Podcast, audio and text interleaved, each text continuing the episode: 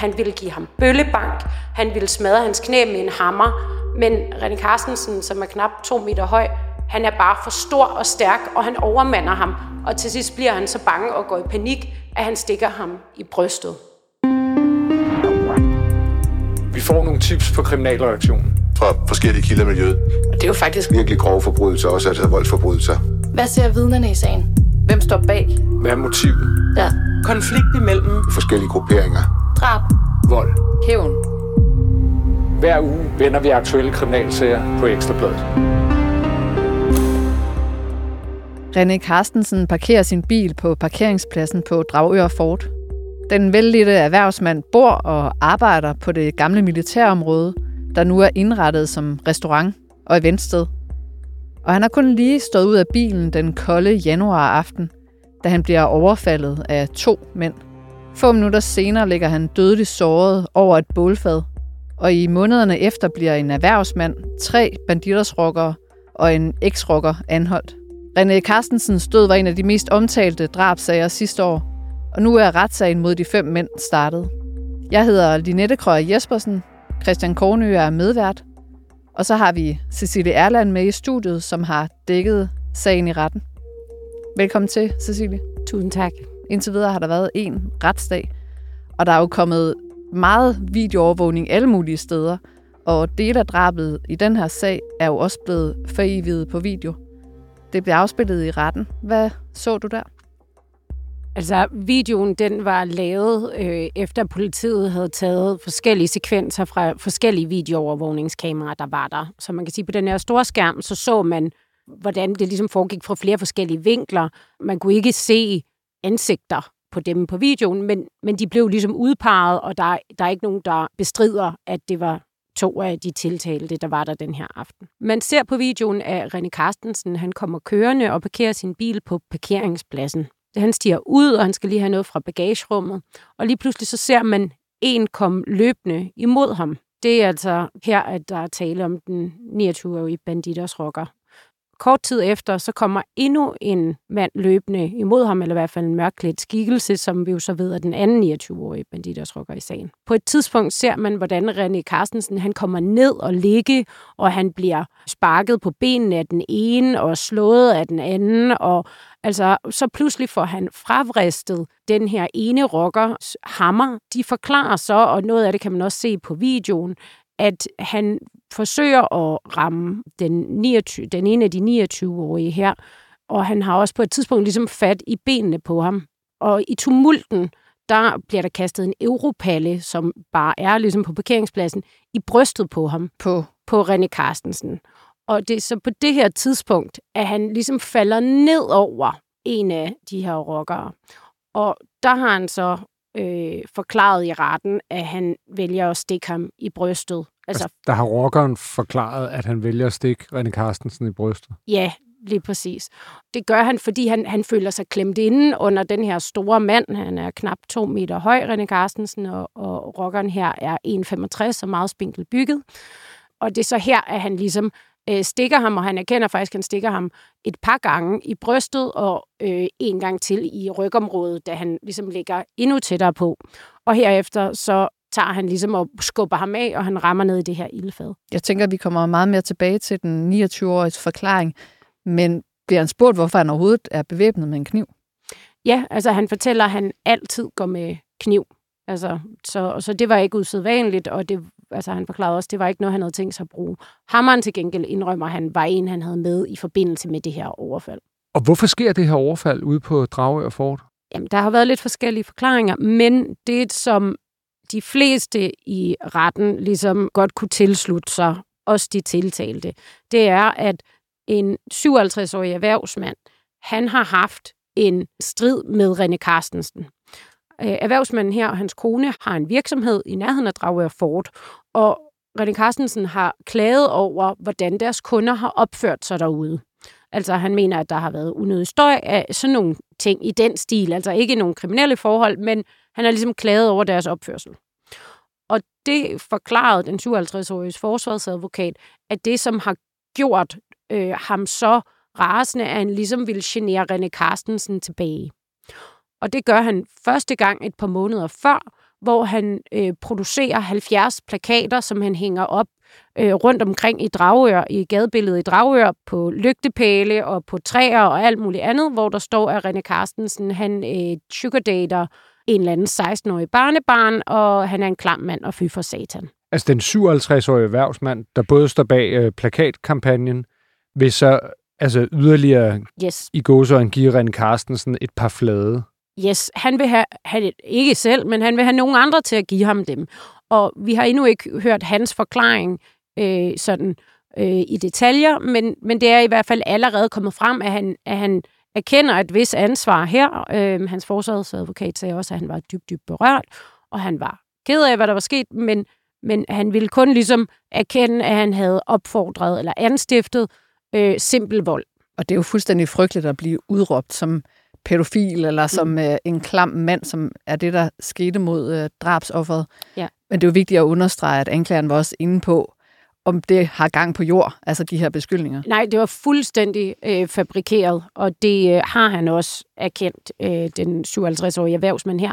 Det handlede udelukkende om, at han ville genere René Carstensen tilbage, som han mente havde generet dem. Og den 57-årige erhvervsmand er jo en af de fem mænd, der er tiltalt i sagen. Mm. Kan du ikke lige gennemgå, hvem de tiltalte er? Hvis vi siger, at det ligesom starter ved ham, så ifølge anklageskriftet, så kontakter han en, han kender, en 50-årig tidligere banditersrokker. Og igennem hans netværk, så bliver også den 51-årige Peter Pitt Rosenberg involveret. Han er en af de højst placerede i, øh, i banditers hierarki her i Danmark, øh, og han frabad sig som den eneste navneforbud under øh, grundlovsforhøret. Det er derfor, vi kalder ham ved navn, og de andre øh, med deres alder eller beskriver dem. Så, så man kan sige, at han får ligesom de her to banditersrockere i tale. Han siger til dem, kan I ikke prøve at hjælpe mig med at skaffe nogen, der kan afstraffe øh, René Carstensen. Og herefter er det så, at de to 29-årige rockere, øh, den ene er meget lav og spinkel og sorthåret, og den anden er mere almindelig af bygning og mellemblond, jamen de skulle ligesom have den her opgave, der hedder at, at afstraffe ham den dag, altså uden ellers have noget kendskab til ham. Så man kan sige, det, det bliver jo ligesom beskrevet af anklageren som en slags bestillingsarbejde. Og der er det jo vigtigt at sige, at eks-rockeren og øh, Peter Pitt nægter sig skyldige i det her. Ja, lige præcis når det kommer til eks-rockeren, så har han allerede nu erkendt, at han faktisk har været en vigtig del af politiets efterforskning øh, og, og med til ligesom at klarlægge, hvordan tingene er sket. Så der er noget erkendelse fra hans side, men han har heller ikke øh, afgivet forklaring endnu. Og så er den øh, lave rocker, den 29-årige rocker, den eneste, der har afgivet forklaring indtil videre, altså ham, som er en af de to, der er tiltalt for selve drabet. Altså, hvad siger han omkring, hvorfor han tager det hen? han sagde, jamen, han ville ikke, altså, han, jeg ved ikke, om han ikke ville, om han ikke kunne, men han kom ikke ind på, hvordan han fik den idé, at han skulle derud. Han sagde bare, at jeg skulle ud og tale med en den her dag. Først så er han derude af et par timer øh, og venter. Der sker så ikke noget. Så tager han til den her duo tilbage til Banditers øh, klubhus på Amager. Og herefter, øh, efter et kort toiletbesøg, tager de så tilbage igen og venter. Og da han så ser René Carstensen, så fortæller han, at det går op for ham, at han har set ham tidligere på de her plakater, og at han der beslutter sig for, at han skal have bøllebank. Og han siger bøllebank mange gange. Øh, jeg ved ikke præcis, hvad der ligger i det her, men han forklarede selv, at det var noget med at smadre knæene med en hammer, for eksempel. Øh, og han havde jo en hammer med. Altså, jeg, jeg ved godt, at det måske lyder lidt usammenhængende, men, men jeg refererer faktisk, hvad, hvad han fortalte, og, og anklageren prøvede at, at grave lidt ihærdigt i, jamen, hvordan får du den idé at tage dig ud og stå og vente, og du ved ikke, hvem det er, og, og det kunne han bare ikke rigtig komme, komme mere ind på. Og i det hele taget var hans, var hans forklaring også præget af, at han ikke ville implicere andre. Øh, ikke engang hans kammerat, der var med den dag og, og medtiltalte i sagen, ville han erkende, var ham, der var med, selvom at den medtiltalte selv, altså den her mellemblonde rocker, han har sagt, jamen det var mig, der var der. Øhm, så, så altså man kan jo sige, det er jo et miljø, hvor der normalt ikke er mange, der taler, og, og det her var på den måde en meget standard forklaring. Og nu siger du, at det er et miljø, hvor man ikke rigtig snakker. Og der, der er tale om en sag, hvor der er tre banditersrockere, der er tiltalt, og den ene, altså en, kan man vel godt sige, højtstående banditersrocker, øh, Peter Pitt. Men der var jo ikke, som jeg forstår det, nogen banditersrockere til stede på tilhørbænkene. Det ser man jo ellers i mange sager, at de møder op og støtter op. Ja, det, det kan gør man sige, hvorfor der ikke var nogen her? Ja, altså ifølge de kilder, jeg har talt med, så handler det om, at man har ikke brug for at associere banditers med den her sag. Slet ikke lige nu, hvor at, øh, sidste år blev meldt ud, at man faktisk undersøger, hvorvidt man skal gøre dem forbudt. Øhm, og i det hele taget, så, så bærer den her sag jo præg af at være naturligvis tragisk, men også, det var nok ikke det, der var meningen skulle ske den her dag. Øh, men det bliver selvfølgelig op til, til nævningetinget at, at afgøre, om de tror på det. Men, men min, mit øh, indtryk er klart, at, at banditter ser det ikke som deres sag. Det er nogen, det er ganske vist nogle banditersrokker, men det er ikke noget, der er sket for klubben eller som led i en konflikt i klubben, og derfor øh, ser de ikke nogen grund til at øh, søbe den her sag ind i øh, banditers veste eller andet. Og hvad skal der så ske videre i sagen? Der har jo kun været en retsdag, øh, som du sagde. Altså, vi mangler stadigvæk at øh, høre forklaringen fra de andre tiltalte i sagen. Men som anklageren også sagde på første dag, den her sag, den handler ikke så meget om det faktuelle. Fordi at det er der nok ikke så mange, der vil bestride. Altså, de har i grove træk ligesom sagt, at det var det her, der skete. Altså, det var den her kæde, der førte til drabet. Det handler mere om, hvem vidste hvad, og når man sender nogen ud for at begå vold, har man så en idé om, at det her kan ende fatalt. Og det er jo så det, der kommer til at afgøre, om de bliver dømt for vold, for øh, altså medvirken til vold, medvirken til grov vold, medvirken til øh, grov vold under særlig skærpende omstændigheder, altså at han endte med at dø af det, eller øh, som det subsidiært er øh, de er tiltalt for øh, øh, medvirken til uagtsom manddrab. Så, så det er sådan set det, der er sagens kerne. Det er, er nævningetingets opgave nu. Og hvornår falder dommen? Øh, den forventes at falde i april, og der er 14 retsdage afsat til sagen, så på den måde er det jo, er det jo virkelig også en, en lang retssag. Og det er jo en retssag, som man kan følge på ekstrabladet.dk, og det kan da også godt være, at vi kommer til at tale om den igen her i Afhørt. Tak fordi du var med.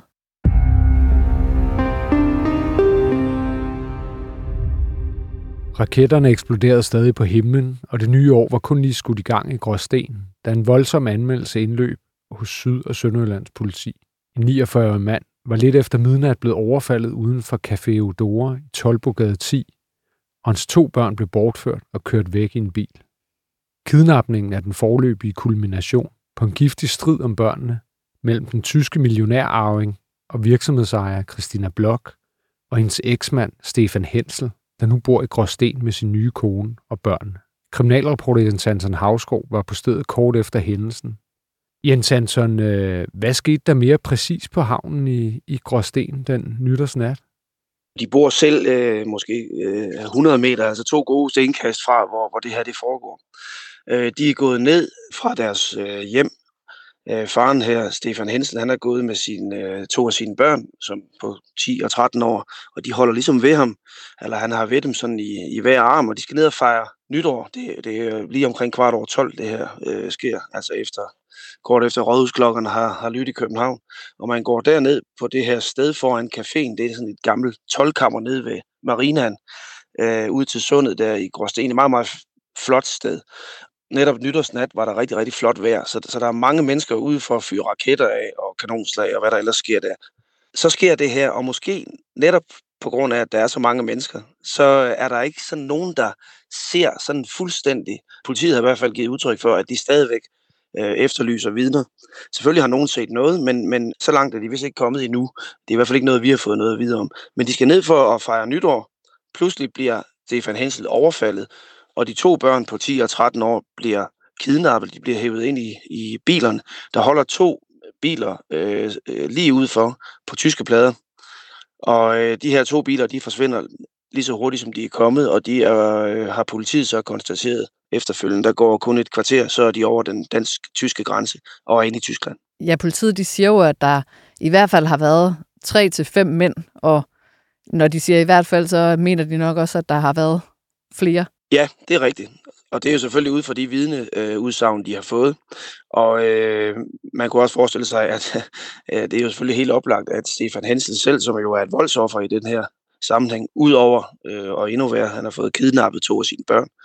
Øh, han har selvfølgelig givet en beskrivelse, det, det giver sig selv, og så har politiet selvfølgelig efterlyst vidner, de folk, der var på stedet på det her tidspunkt. Der har jo tidligere været en sag, øh, som minder meget om, om denne her fra november øh, 22. Kan du sætte lidt ord på den for os, Jens Hansen? Der skete der det, at øh, en øh, tidlig morgen, der kommer øh, seks mænd, tyskere, der kommer for at, mener, mener man i Danmark i hvert fald, kommer for at kidnappe børnene, de, og de er der sammen med Christina Blok, altså børnenes mor. Og det er selvfølgelig i forlængelse af den her samværssag, som øh, verserende har været i lang tid. Øhm, det ender med, at de her seks øh, mænd, de bliver fremstillet i grundlovsforhør ved retten i Sønderborg øh, for forsøg på kidnapning. Sagen, kriminalsagen falder. Altså den, øh, den er helt taget af bordet nu, fordi dansk politi, anklagemyndigheden, kan ikke påvise eller bevise, at øh, de rent faktisk var derfor, de var der. Fordi det her øh, forsøg måske på øh, kidnapning af børnene dengang, det blev forpurret på den måde, at øh, nogen har set dem Øh, så de når faktisk ikke at slå til. Så det er et spørgsmål om, de må jo gerne op, øh, opholde sig på, øh, på åben gade, og det var faktisk det, de gjorde. Det talte jeg jo med nogle naboer om her øh, i forbindelse med den nye sag, som, som ved, at politiet patruljerer jo hele tiden, og det har de jo gjort lige siden, og det gjorde de så også dengang. Men der er nemlig nogen, der ser dem og får mistanke om, hvad laver de der? Og politiet kommer, øh, fordi de er faktisk ret flittige til at øh, patruljere omkring øh, deres hjem. Og øh, derfor bliver sagen ligesom stoppet der. Så bliver de fremstillet i grundlovsforhør efterfølgende, men sagen bliver så droppet, fordi der når faktisk ikke at ske en kriminel handling. Men spørgsmålet er, hvad, hvad var deres øh, intention? Og det er jo vigtigt at understrege, at moren Christina Blok, hun jo siger, at de seks mand, de var med hende, de var hyret af hende til hendes beskyttelse. Lige præcis, og, og øh, hvorimod man i Danmark havde den opfattelse, at de var der for selv at lave øh, en aktiv handling, med, nemlig med at tage børnene. Ja, det lyder jo noget øh, som noget fra en film, altså hvor øh, to biler kører op, overfalder manden og river børnene ind i bilen. Altså, og jeg kan huske, at vi skrev om øh, sagen der i november 22, at øh, der fandt vi ud af, fordi der blev kidnapningsforsøget jo forpurret af dansk politi. Der var jo en, en hel del tyske mænd, og, som blev anholdt i området, og man havde dem mistænkt for at, at ville forsøge noget lignende som det, der skete på havnen i Gråsten. Og det vi jo fandt ud af der, det var jo, at det var øhm, mænd, som var tilknyttet sådan et tysk sikkerhedsfirma. Og, og det her lugter jo også af, af, af noget professionelt i en eller anden forstand, øh, når, når det foregår på den måde, og så, så hurtigt, og man så hurtigt ude af landet igen. Ja, og man, og man kan sige også, hvis vi lige vender tilbage til november 22, i det tilfælde var øh, Christina Blok jo selv med. Om hun har været det i det her tilfælde her, nytårsnat, det ved vi ikke. Og lige for at, at vende tilbage til sagens kerne, Jens Hansen, altså hvorfor er det, det sker det her? Altså vi har jo kredset lidt omkring det. Øh, kan du lige sætte et på på det? Ja, det har jo en øh, trist øh, baggrund, nemlig en øh, samværssag, som man jo nogle gange øh, hører om, når en øh, mor og en far ikke øh, er enige om, hvordan øh, børnene, eller hvor de skal være, og hvem der har øh, retten til at have børnene. Og det, der er ekstra øh, krydret i den her sag, gør det ekstra vanskeligt, både for politiet i Tyskland og i Danmark, og for forældrene selvfølgelig selv først og fremmest, det er, at en domstol i Tyskland har fastslået, at øh, børnene godt kan være hos hende, øh, Hvorimod den, øh, de danske myndigheder siger, jamen øh, de vil ikke øh, have, at børnene kommer derned, fordi de mener, at det vil i givet fald være imod børnenes egen vilje. Altså, de vil være hos faren i Gråsten. Hvor øh, sandheden ligger, ved vi jo ikke, det skal vi jo ikke sidde og konkludere på, men det er i hvert fald sådan, de danske myndigheder mener, og det er altså årsagen til, at de bor i Gråsten hos deres far og hans øh, kone, hans danske kone. Og det er jo sådan, at parret, eller det tidligere par, de har fire børn i alt. Og det er jo så de to børn, som nu er blevet øh, kidnappet, altså en pige på 13 og en dreng på 10. De har boet hos deres far i Gråsten sammen med en ældre søster, og så er der en anden søster, som så bor hos Christina Blok, altså moren i Tyskland. Ja, det er korrekt. Og hvem er øh, de implicerede? Altså, det lyder jo ret vildt at sætte sådan noget her i, i søen øh, for at få fat i sine børn. Ja, som du selv siger, så kan det lyde som noget fra en, øh, en actionfilm. Øh, og desværre er det jo øh, det virkelige liv. Hun er øh, arving til og øh, en stadigvæk en del af ledelsen og øh, anden generation i en øh, stor tysk hotel- og restaurationskæde, Blok, altså som har samme navn som hendes efternavn. Og, og, øh, og hun er en, der ikke mangler penge i hvert fald, og det forklarer jo snart også, hvorfor hun kan omgive sig med øh, sikkerhedsvagter, som det nu er øh, nødvendigt for hende, mener hun. Og jo tydeligvis er et stort øh, navn i tysk det er hun også. Øh, hun er en, der øh, i hvert fald tidligere har øh, optrådt i øh, de glittede blade, når der er receptioner rundt omkring. Så det er en, øh, det er en person, som tyskerne kender. Tidligere kendte de jo så også øh, hendes øh, nu eksmand, øh, øh, Stefan Hensel, fordi han har været med nogle gange øh, på, på den røde løber osv., men ellers så er, det, så er det jo ligesom hende, fordi det er hendes familie, der ejer den her øh, restaurations- og hotelkæde Blok i, øh, i Tyskland. Og nu øh, optræder hun så med en anden kæreste indimellem, som, øh, som er kendt fra tysk tv, så, så øh, derfor øh, forklarer det jo også, hvorfor de store tyske medier også interesserer sig for den her sag, ud over selve kernen i det, nemlig at der er kidnappet nogle børn, og det er jo, øh, det er jo vildt nok i sig selv og, og, og sørgeligt. Ja, nu kom du lidt ind på det. Altså, ved vi, hvor børnene er i dag? Vi ved, at moren, altså Christina Blok, øh, som bor øh, i Hamburg, Hamburg-området, øh, at hun har sagt, at børnene er hos mig, og de har det godt. Du har jo været hos øh, øh, faren og hans danske hustru og talt med dem. Du har lavet et interview med dem i forbindelse med den tidligere sag, som vi var inde på omkring de her sigtelser for forsøg på frihedsberøvelse. Altså, hvad var det for et billede, de tegnede af, hvordan de levede? De tegnede et billede af, at de lever et liv i frygt, altså at de hele tiden skal se sig over skuldre, og at de øh, føler sig øh, overvåget, og de øh, igen og igen har oplevet, at for eksempel når børnene skal i skole, de går i dansk skole og taler flydende dansk, på trods af, at de ikke har været i Danmark så længe. De oplever, hvordan der kører øh, biler med tyske plader efter dem, altså for, følger efter dem, når de skal i skole for eksempel. Øh, hans, øh, Stefans øh, danske øh, hustru fortæller om, hvordan han er eller hun er, øh, når, når øh, øh, en af børnene er i skole, altså bare i frikvartererne, så tager hun simpelthen hen til skolen, som ligger i nærheden af, hvor de bor, for at sikre sig, at øh, han ikke er i, i fare, at der er nogen, der risikerer at komme og kidnappe dem. Man kan så sige, at med det, der er sket nu her nytårsnat, så har de jo virkelig haft en pointe, at øh, de har haft grund til at frygte, at børnene blev kidnappet. Derudover så har politiet jo øh, udstyret dem, og det gjorde de jo øh, allerede fra, fra et par år siden, eller mere, med overfaldsalarmer, og det er også øh, selv helt ned til de mindste af børnene. De har alarmer, øh, som de går med på kroppen, at de kan øh, udløse, hvis der sker en eller anden situation, som de ikke kan styre, altså at øh, de vil, der vil være forsøg på kidnapning for eksempel. Nu er det så sket. Ja, man kan bare konkludere, at overfaldsalarmerne hjalp ikke meget nytårsnat øh, for øh, blokbørnene her. Det virker jo også altså virkelig meget planlagt det her. Det er jo også det, som politiet de siger. Altså når der er så mange, og det er personer, der bliver signaliseret som mænd, så mange mænd, der slår til nytårsnat, og jo altså så kørt direkte mod grænsen over grænsen øh, mindre end kvarter senere, så altså, må man jo øh, formode, at det her det er en planlagt handling. Ja, ja, og professionelle folk, det var jo øh, tidligere øh, det, som jo så ikke var et forsøg, men hvad det så end var, øh, var det jo folk fra et sikkerhedsfirma, altså folk med militær baggrund og politimæssig baggrund, som, som sad i det her grundlovsforhør. Øh. Og det sikkerhedsfirma, det har ikke nogen kommentar til den aktuelle sag, kan jeg måske lige tilføje. Ja. Jens Hansen, ved vi, hvad der sker i sagen nu her? Vi ved, at sagen efterforskes både på den tyske og den danske side, og, og det er jo ud fra forskellige udgangspunkter. Fordi i Danmark er der øh, helt øh, åbenlyst begået en forbrydelse.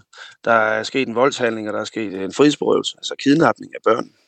Så det er jo en, øh, det er jo en kriminalsag, det er en øh, politiefterforskning, der foregår i Danmark. Det, der så foregår i Tyskland, det er ikke, øh, formentlig ikke, øh, det kan så være i samarbejde med dansk politi, altså det danske spor, kan du sige. Men ellers så handler det om, hvem har ret til at have børnene, hvis man ser fra den tyske side af grænsen. Men i Danmark, der er det altså en kriminalsag, og der handler det om at få de her børn hjem igen i god behold. Og hvis vi skal tilføje noget omkring øh, straffesagen her i Danmark, så ved vi, at der har været et grundlovsforhør for dobbeltlukkede døre i retten i Sønderborg vi ved så ikke, om øh, det øh, relaterer sig til den øh, konkrete sag. Det vil vicepolitiinspektør Søren Rønnerv fra Søde Sønderlands politi ikke sige. Men den advokat, som var advokat for Christina Blok i den tidligere sag, han skulle ifølge Jysk Vestkysten være indkaldt til det retsmøde. Men fordi at det var et retsmøde for dobbeltlukkede døre, så er hverken sikkelsen sigtelsen eller navne kommet frem på nuværende tidspunkt. Ifølge det tyske medie Bild, så er der øh, udstedt en europæisk arrestordre på Christina Blok. Det er noget, de har som øh, erfaringsoplysninger. Men man kan sige, at i og med, at hun har været ude med en officiel øh, melding om, at børn er hos hende, så øh, har det jo selvfølgelig, øh, altså hvad kan man sige, sandsynlighedens øh, præg. Men det, som Bild også erfarer, det er, at den europæiske arrestordre skulle være omdannet til en såkaldt sådan opholdskendelse, der betyder, at Christina Blok altid skal informere myndighederne om, hvor hun befinder sig. Men jeg vil altså understrege, at det er erfaringsoplysninger. De har det ikke fra en officiel kilde. Ja, spektakulær sag er det i hvert fald, øh, og det kan jo også sagtens være, det en, vi kommer til at høre mere til i afhørt. Øh, Jens Hansen, du skal i hvert fald have tak, fordi du endnu en gang gjorde os klogere. Velbekomme.